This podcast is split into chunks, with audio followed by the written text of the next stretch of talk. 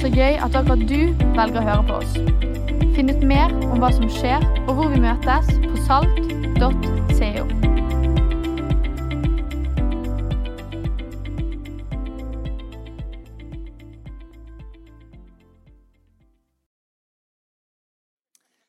Right. Ja, jeg sa til eh, gjengen når vi kom hit i dag at eh, dere må bare forvente at i dag blir vi ikke så mange. For vi, vi vet sånn cirka hvordan eh, det slår ut. Så når vi har over 1000 på julekonsert den ene søndagen, så kommer julaften eh, etterpå. Da bruker vi å være litt færre på gudstjeneste på søndagen. Men eh, det ble jo ganske greit her i dag i formiddag. Og så gruer jeg meg kjempe til klokken seks, for da skal jeg altså preke under straffekonken eh, i VM-finalen. Så da blir det meg og, hun Cornelia der som, som kommer. Jeg skal forkynne her i dag om noe som jeg er opptatt av, og som, som, eh, som på en måte handler litt om dette her også. For dette, dette med adventstenningen det er en ganske ny tradisjon. Det var en eh, svensk erkebiskop som het Nathan Söderblom, som kom på denne måten å, å, å minnes og tenke på adventstiden. For dette, det var sånn at eh, Folk på den tiden de tente masse lys, noen tente ingen lys. og Han var aktiv i studentbevegelsen i Paris på det tidspunktet. Så han sa de at ja, men hva hvis vi tar de fire søndagene da, i adventstiden, og så bruker vi de til å tenne ett lys hver søndag og minne folk på om at nå venter vi på Herrens komme. Pedagogikk, all, all pedagogikks mor det er repetisjon. Og Repetisjon det finner vi i kirkehistorien vår. Og En av de viktigste måtene å huske på kristne sannheter det er å opprettholde de tradisjonene som vi har fått med oss gjennom kirkehistorien. Det står ingenting om advent i eh, eh Bibelen, men eh, adventstiden peker jo på en bibelsk sannhet. På 400-tallet bestemte de seg for at nå skal vi begynne å feire det. Herrens ankomst. Det skal bli en, en, årlig feiring. Da. Så Det begynte de med på 400-tallet. De tenkte også på 400-tallet at det var lurt i adventtiden at vi skulle faste på mandag, onsdag og fredag. Og Under reformasjonen her i Norge så tenkte vi nordmenn at nei, nå er vi så lei denne katolske kirken at vi slutter med det der greiene der. Altså Poenget med fasten var at du skulle være sulten og huske på hvorfor du var sulten. Men når vi kom til 1500-tallet her oppe i Norge, så var vi så lei av sånne lover og regler, så vi lagde en ny regel her oppe. Og det var la oss heller spise fisk i adventstiden. Så Hvis du tar en tur på restaurant nå i Bergen i dag, 500 år etter, så er det faktisk sånn det er. Du, vi spiser fisk i eh, førjulstiden i forberedelse på den fete julematen. Og Du kan tenke deg tilfeldigheter, men saken er den at det som repeteres, det repeteres fordi det skal peke oss i retning av noe vi skal huske og Nathan Søderblom han gjorde det fordi han ønsket å peke på denne sannheten. Advent, at Jesus Kristus kommer. og Det er det som er mitt eh, tema her i dag. Men la meg ta en liten sving ut for å illustrere hvem andre som bruker de samme eh, metodene. Dette med kalender er jeg ganske så opptatt av. I går fikk jeg en misjonskalender i posten. Jeg får masse kalender, sånn reklamekalender. Den var jo veldig hyggelig. Den åpnet jeg med en gang. Den, da, eh, den skal hjelpe oss gjennom neste år. Eh, og Kalenderen deres eh, den, eh, den er lik hvert eneste år. Sportskalenderen er forholdsvis lik hvert eneste år. Det er et avvik dette året fordi vi arrangerer fotball-VM rett før jul. Men det er alltid håndball før jul. Før jul. Eliteserien begynner i mars. Da sier vi alltid i Bergen vi vinner Eliteserien i år. I juli sier vi vi vinner ikke i år. hvis vi ligger et oppe der et sted så sier vi vinner i år. og så prøver Vi å si, vi må ikke si vi vinner i år, for da taper vi i år. Men så sier vi vi vinner i år, og så vinner vi ikke.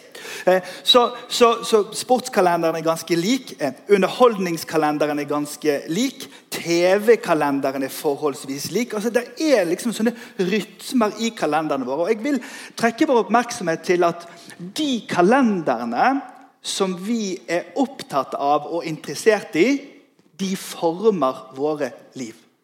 De styrer også vår tid. De styrer også hva vi snakker om. Og nettopp dette ønsker jeg å trekke din oppmerksomhet til i noen få minutter. Fordi at Allehelgensdagen den eh, kommer på høsten, men nå har vi etter hvert byttet den ut med halloween. Oppkjøringen til advent, den som handler om at nå skal vi vente på at Jesus kommer, den har vi erstattet med Black Friday, Cyber Monday og Black Week. Juleforventningen har vi byttet ut med ja, gavehandling og som mange frustrerte voksne mennesker nå sier, det er ikke et eneste julekort å oppdrive ute i bokhandlene som handler om det kristne budskapet i julen. Valentinsdagen den kommer på nyåret, hvor vi feirer romansen fra i fjor. Eller hvis det skjedde en ny en siden i fjor. Fastetiden den har vi byttet ut i stor grad med skiferie. Og så er det et særnorsk fenomen at vi har lagt på så mange fridager rundt påske at selv kristne folk tenker på påsken som ferie.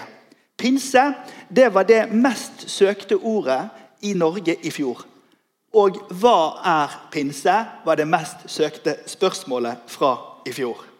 For dere, det er slik at vi lever i en del av verden som i økende grad eh, preges av helt andre kalendere enn kirkeårets kalender.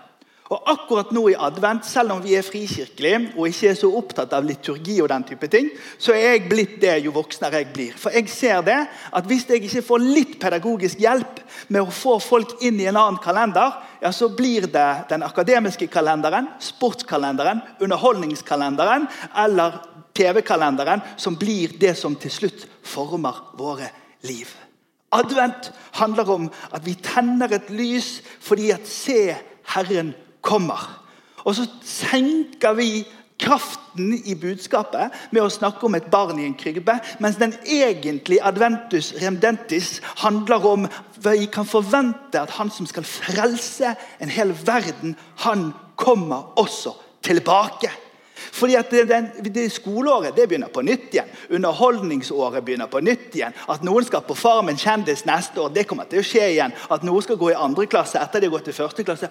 Alle hedenske kalendere går i sirkel, men det er én kalender som også har en avslutning. Og Det er det kristne håpet om at en dag skal Jesus komme, og han skal hente sin kirke hjem. Jeg har en enkel tekst for deg her denne siste dagen før julen. og Det er fra Hebreabrevet kapittel 13 vers 8, hvor vi kan lese at Jesus Kristus er i går og i dag den samme, ja, til evig tid. Når vi hører på disse eh, kommentatorene på fotball-VM nå, og jeg håper du er forberedt på kampen klokken fire, og så ber vi sammen om at det ikke skal bli ekstraomganger, så at det blir noen her i kirken klokken seks. Eh, men så er det fascinerende å høre hvordan noen skyter en eller annen plass i tverrleggeren. Og så sier han av kommentatoren ja, dette lignet på skuddet i 1968 fra en eller annen kisi fra Venezuela. Det er helt utrolig hva de husker. Fordi at det som skjedde før, det ligger også i kalenderen. Men det som skjer nå, det er forventningen av at det kan skje nå. Men det som skal komme, det er også noe som vi profetisk i det kristne budskapet kan si det kommer til å skje framover. Og du kommer til å høre masse referanser i dag til fotball-VM i 2026 i USA, Canada og Mexico. Og Hvis du trodde det var en del av min allmennkunnskap, så tok du feil, for det måtte jeg google. Han er i går den samme. 700 år før det hele skjedde, opplever det jødiske folket å leve i et stort mørke. Og Gud på den tiden reiste opp profeter som skulle tale på vegne av Gud, Guds sannhet og Guds omsorg for folkene. Det gamle testamentet, Når du leser den delen av Bibelen, så er det en historie om Gud. Det er en historie om Guds interaksjon med menneskeheten. Så du og jeg i møte med en levende Gud er oppsummeringen av Det gamle testamentet. Og der er tider av av, av frafall, og så er det tider av tilbakekomst. Så er det tider av å huske, og så er det tider av å glemme. Og Jesaja befant seg 700 år før Kristus i en situasjon av et stort mørke. og Hele kapittel 8 hvis du har lyst til å lese det når du kommer hjem, er en beskrivelse av smerten av å leve i dette mørket. Så hardt var det for profeten Jesaja at han spurte Gud, han internaliserte i sin egen kropp hvem kan ta denne skyld bort ifra meg, sier han i kapittel 6, vers 5. Og Så sier Gud til ham, derfor skal Herren selv gi dere et tegn. Se, den unge jenta skal bli med barn og føde en sønn, og hun skal gi ham navnet Immanuel. Immanuel det betyr Gud med oss. Så 700 år før det inntreffer, og vi har eh, bevis for at disse manuskriptene var datert lenge før det hele skjedde, eh, og de ligger der i eh, arkeologihistorien som et bevis på et profetisk blikk som Gud gir til Jesaja om det som skal skje i julefortellingen. To kapitler senere, i kapittel 9, så leser vi for et barn er oss født, en sønn er oss gitt, herreveldet er lagt på hans skulder. Han har fått navnet underfull rådgiver. Veldig Gud, evig far og fredsfyrste. Så skal herreveldet være stort og freden være uten ende over Davids trone og hans kongerike. Han skal gjøre det fast og holde det oppe ved rett og rettferdighet fra nå og for alltid. Herren over herskarene skal gjøre dette i sin brennende iver. Denne profetiske hilsenen i Jesaja det er en klokkeklar forkynnelse om at historiens kjerne handler om Jesus Kristus som kommer i kjøtt og blod og tar bolig blant oss mennesker. Israelsfolkets forventning til at Messias, frelseren, skulle komme, gjør at de opplever i flere hundre år å leve i advent. Herren kommer. Herren kommer, Herren kommer. Men på samme måte som du og jeg lever i en tid hvor vi glemmer, ja, så glemte de også til tider hva de ventet på så dukket det opp konger og profeter og prester, kvinner og menn som minte de på nå må dere ikke huske på, nå må ikke dere glemme at dere skal huske. Nå må dere ikke glemme at, at Frelseren kommer. Hvem er denne frelseren som vi venter på? Hans navn skal være underfull. Vi kunne si underfull rådgiver, men vi kan også la det stå alene, dette ordet underfull. For Jesus han eh, var underfull. På Vestlandet, når vi treffer evangeliet om Jesus Kristus, så er det lett å tenke inn i fjorden her inne eller i bydelen eller i den etasjen du bor i. Hvem skulle tro at Gud ville komme og være med oss mennesker? Hvilken vestlending hadde trodd i vår religiøse oppfatning at Gud skulle være mer opptatt av folk enn av regler? Hvem hadde trodd at Gud skulle være en som søker, og ikke bare være en som i sin fromhet sitter der og krever å la seg finne. Hvem hadde trodd at Gud skulle komme for å tjene og ikke for å bli tjent? Hvem skulle tro at en med sånn veldig makt skulle si Vend det andre kinnet til, gå en ekstra mil, gi til de som er rundt deg. Jesus er underfull Jesus er underfull i sin undervisning. Jesus lever et underfullt liv. Jesus er underfull i sin undervisning. Han er underfull i sine mirakler. Han er underfull i sin kjærlighet. Han er underfull i sin omsorg. Han er underfull i sin tilgivelse. Han er underfull. Og Jesus han er summen av det han sa, og det han gjorde når han var her. Derfor så er det slik med Jesus at Jesus han, han setter oss ut, og derfor er det så utrolig irriterende hver eneste jul. At det dukker opp en eller annen frisør i Trondheim som sier at eh, for meg kan Jesus sånn. Nei, for meg er han Jesus sånn. Som om vi har rett til å definere hvem den historiske Jesus er, ut ifra hva vi mener. Den retten ville jeg aldri hatt om min venn Ivar Hisdal her. Jeg kunne sagt til faren hans at nei, for meg er Ivar er en sånn Nei, nei, Ivar er den Ivar er, og Jesus er den Jesus er. Jesus er underfull. Kan jeg høre et lite amen? Jesus han er rådgiver. Han er en underfull rådgiver. I en verden av mørke som Jesaja erfarer, og i en samtid som vi lever i. Flyktningkrise, strømkrise, økonomisk usikkerhet, krig i Europa. Så er det veldig mange mennesker som strever og spør hvor går veien videre nå. Den, denne usikkerheten som er bare skylt innover oss som folk som en tsunami, den gjør at veldig mange stiller seg spørsmålet hvor den er livet mitt om et år og om fem år ifra nå av. Samfunnsdebattant og humanist Per Fugleli, som gikk bort for noen år tilbake, han, han sa det på denne måten at det finnes en stormannsgalskap i Norge om at livet som vi lever, skal være uten feil, svakhet, risiko eller sykdom. Når livet viser seg å være et blandet regnskap for oss mennesker, ja, så er det et bortskjemt flertall av nordmenn som står ved klagemuren og sier at nei, nå, nå må alt bli bra. Jeg tror vi har godt av å ha en Gud, sier Fugling, som gir mening til det ufullkomne i livet. Han er realistisk og klok når han sier, 'Kjære venner, himmelen, den må dere vente på.' Men jorden, som ofte sammenlignes i bibelspråket som en jammerdal, ja, den må vi aldri innbille oss vil være et fullkomment sted. Og I vår kristne tradisjon og i vår kirke så snakker vi sant om livet. Og så snakker vi sant om at Gud er en underfull rådgiver i dette livet. Han er hyrde gjennom dødsskyggens dal. Han sier 'gjennom'. Han sier 'ikke slå opp et, lei, ikke, ikke slå opp et telt der'. Det er en fantastisk melding til oss julen 2022 at det fins en rådgiver som vi kan be til, som vi kan søke, som vi kan høre ord fra. Når du hører Gina innlede møtet her, så siterer hun bibeltekster fordi det er det Gud sier til oss. Og Jeg utfordrer oss alle sammen til å la, la, la, ordet få liv i ditt liv, så at du hører han som er rådgiver. Han som er en underfull rådgiver, men han som også er en veldig Gud. Ja da, I Norge så er vi flinke på å feire det lille Jesusbarnet, eller som det ene barnet sa, det lille basushjernet som ligger der i krybben. Men saken er den at det Jesus gjorde i år 33, når han hang på det korset, det var det han kom for å gjøre. Men vår Gud valgte å bli som et lite barn og fødes inn i vår verden på den mest sårbare måte, på den nederste hyllen i samfunnet, for å si til alle dere er over meg. Jeg løfter alle sammen, fattig og rik. Jeg løfter den veldige Gud. Kommer i skikkelse av en baby for å si til oss at alle er inkludert.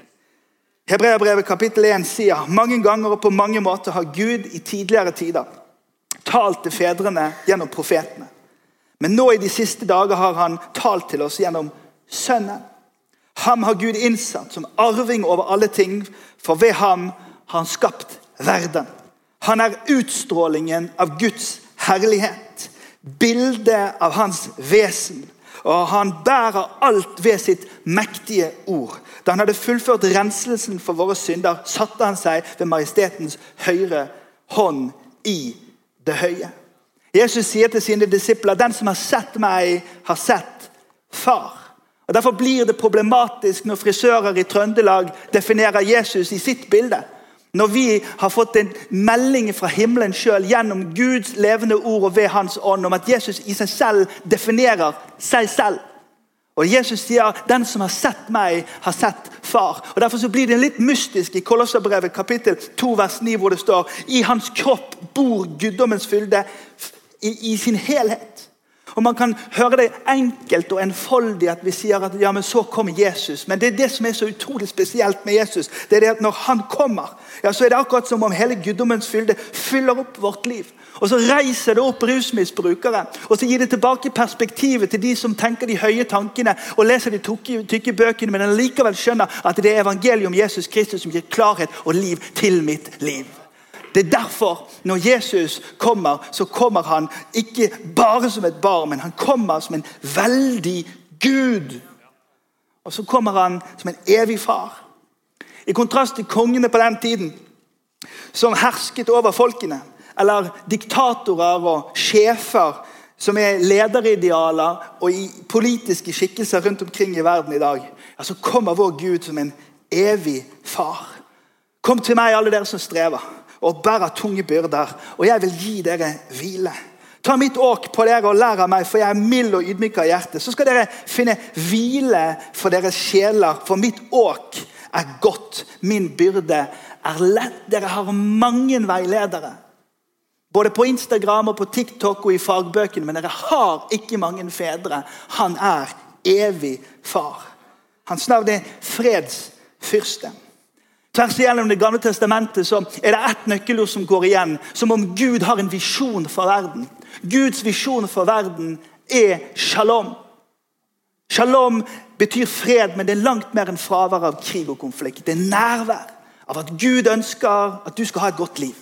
Han vil at du skal ha framgang i ditt liv. Han vil at du skal være med psykisk og fysisk god helse. Han vil at det skal gå godt med ditt arbeid og med din familie. Gud ønsker at sin shalom skal ramme dem som følger ham. Det dere, det er julens egentlige budskap. Og Jesaja profeterer dette 700 år før det hele skjer. Og Nathan Söderblom han gjør det han kan der i, i kirken i studentbevegelsen i Paris. Han sier men hvis vi bare tenner fire lys, så peker vi i hvert fall på Jesus. Og På 400-tallet så forsøkte de å si til oss dere må huske at når han kommer, så er det for å peke på, på det han har gjort for oss. Når, dere, når, han kommer, så er det for å, for å peke på, på, på, evangeliets totale sannhet. I fagspråket så kaller vi det for ortodoksi å tro på det Jesus har gjort for oss. Og så kaller vi det for ortopraksis å faktisk handle i tråd med det han har gjort for oss. Og Derfor er det i den moderne pastorsgjerningen en kjempestor utfordring at alle de andre kalenderne de tar sånn over fordi vi er opptatt av skolen, vi er opptatt av underholdningen, og vi er opptatt av sporten. Og vi er opptatt av de andre fortellingene. På 400-tallet sa de vi må lage en kalender som peker ut av denne hedenske sirkelen til at Jesus Kristus, han kommer. La oss reise oss opp sammen, og så tar vi og så gjør vi trosbekjennelsen fra 700-tallet sammen. Den er ca. lik som fra 200-tallet. Dette gjør man eh, vanligvis i Den norske kirke. Gutter, dere kan bare vente litt. Jeg er ikke ferdig ennå. Dette er bare en sånn førjulstesting på tulling med liturgien her.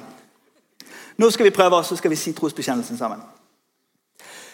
Jeg tror på Jesus Kristus, Guds enbårne sønn, vår Herre, som ble unnfanget ved Den hellige ånd, født av jomfru Maria pint under Pontius Pilatus, korsfestet, død og begravet.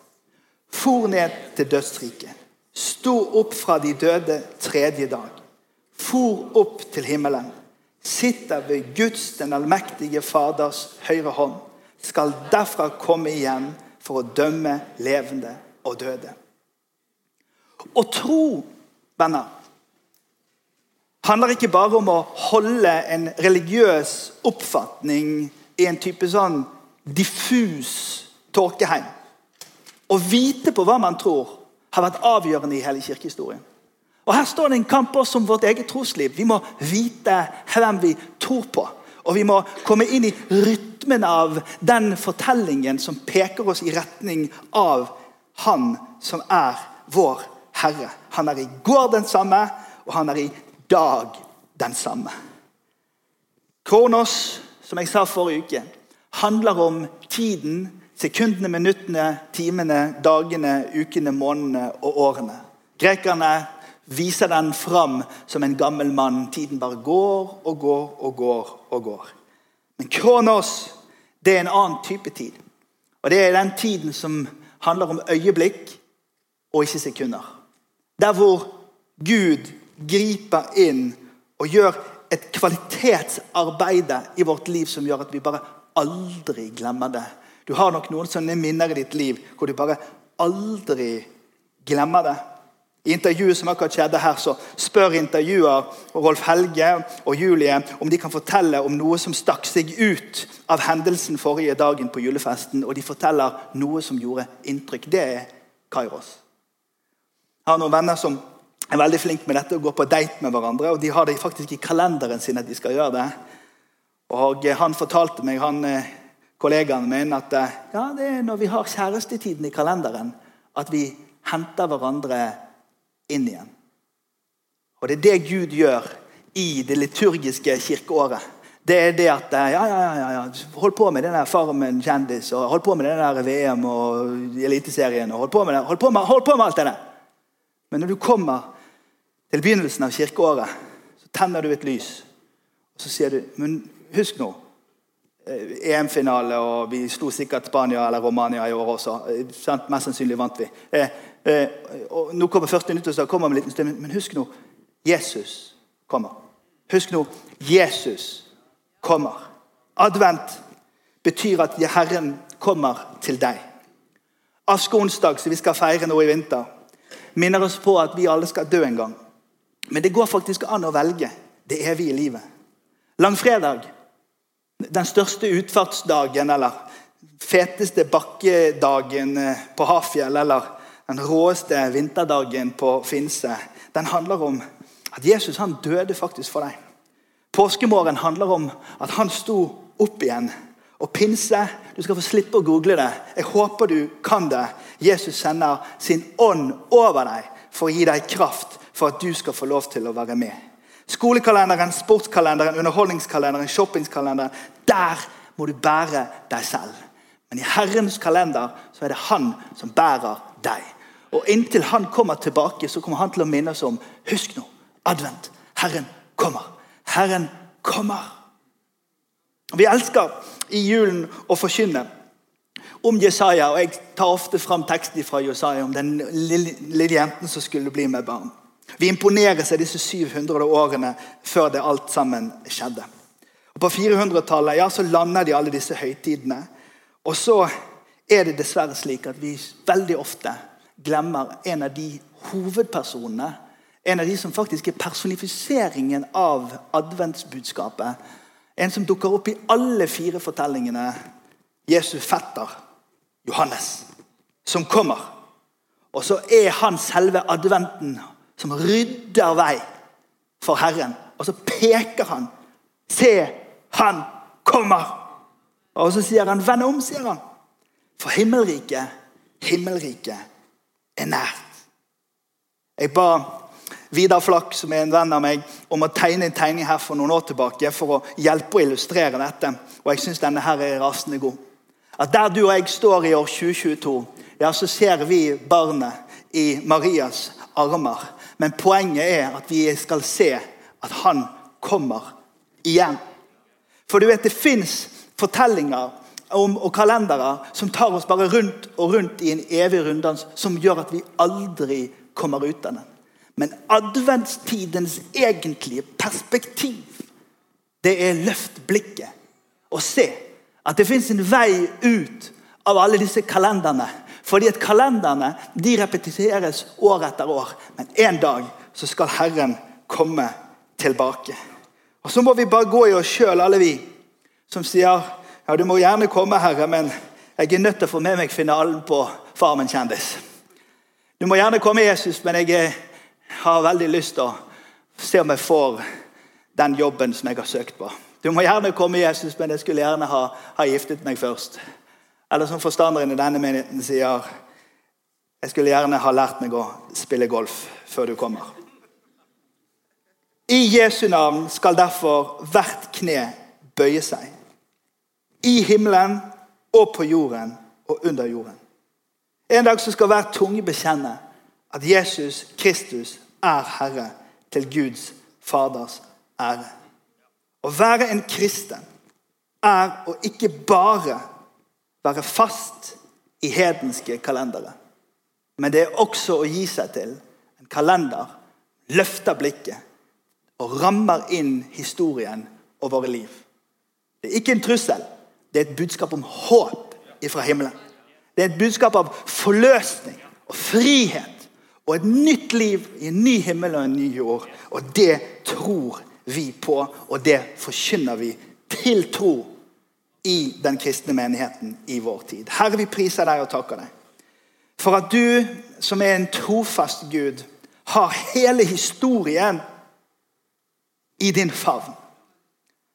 Vi priser deg og takker deg, Herre, for at vi som bor i et av de mest sekulære hjørnene på planeten, som tenker at det er et framskritt for oss å glemme at du kan vekke oss igjen ifra dvalen av det vi forventer og venter på. Og få lov til å bli benådet med et perspektiv av å se med glede og forventning på at du, Herre, du kommer. Så Denne adventen, Herre, så sier vi til deg, Herre, kom. Kom, Herre, og bli født i vårt hjertes dype grunn hver for oss. Men kom også til folket vårt, som lever i en tid av å glemme. Kom også til Europa, Herre, som er i krise og i konflikt. Kom, Herre, til en verden som er desperat etter retning, fred og kjærlighet. Herre, vi forkynner evangeliet om Jesus Kristus. Til ørene for de som lytter, men din ånd sier, de som har ører, hør hva ånden sier til menigheten. Og jeg ber, Herre, for hver enkelt av oss at nå når vi går ut av adventstiden og inn i kirkeårets første dager, inn i det nye året. Herre, må du ved din ånd vekke oss.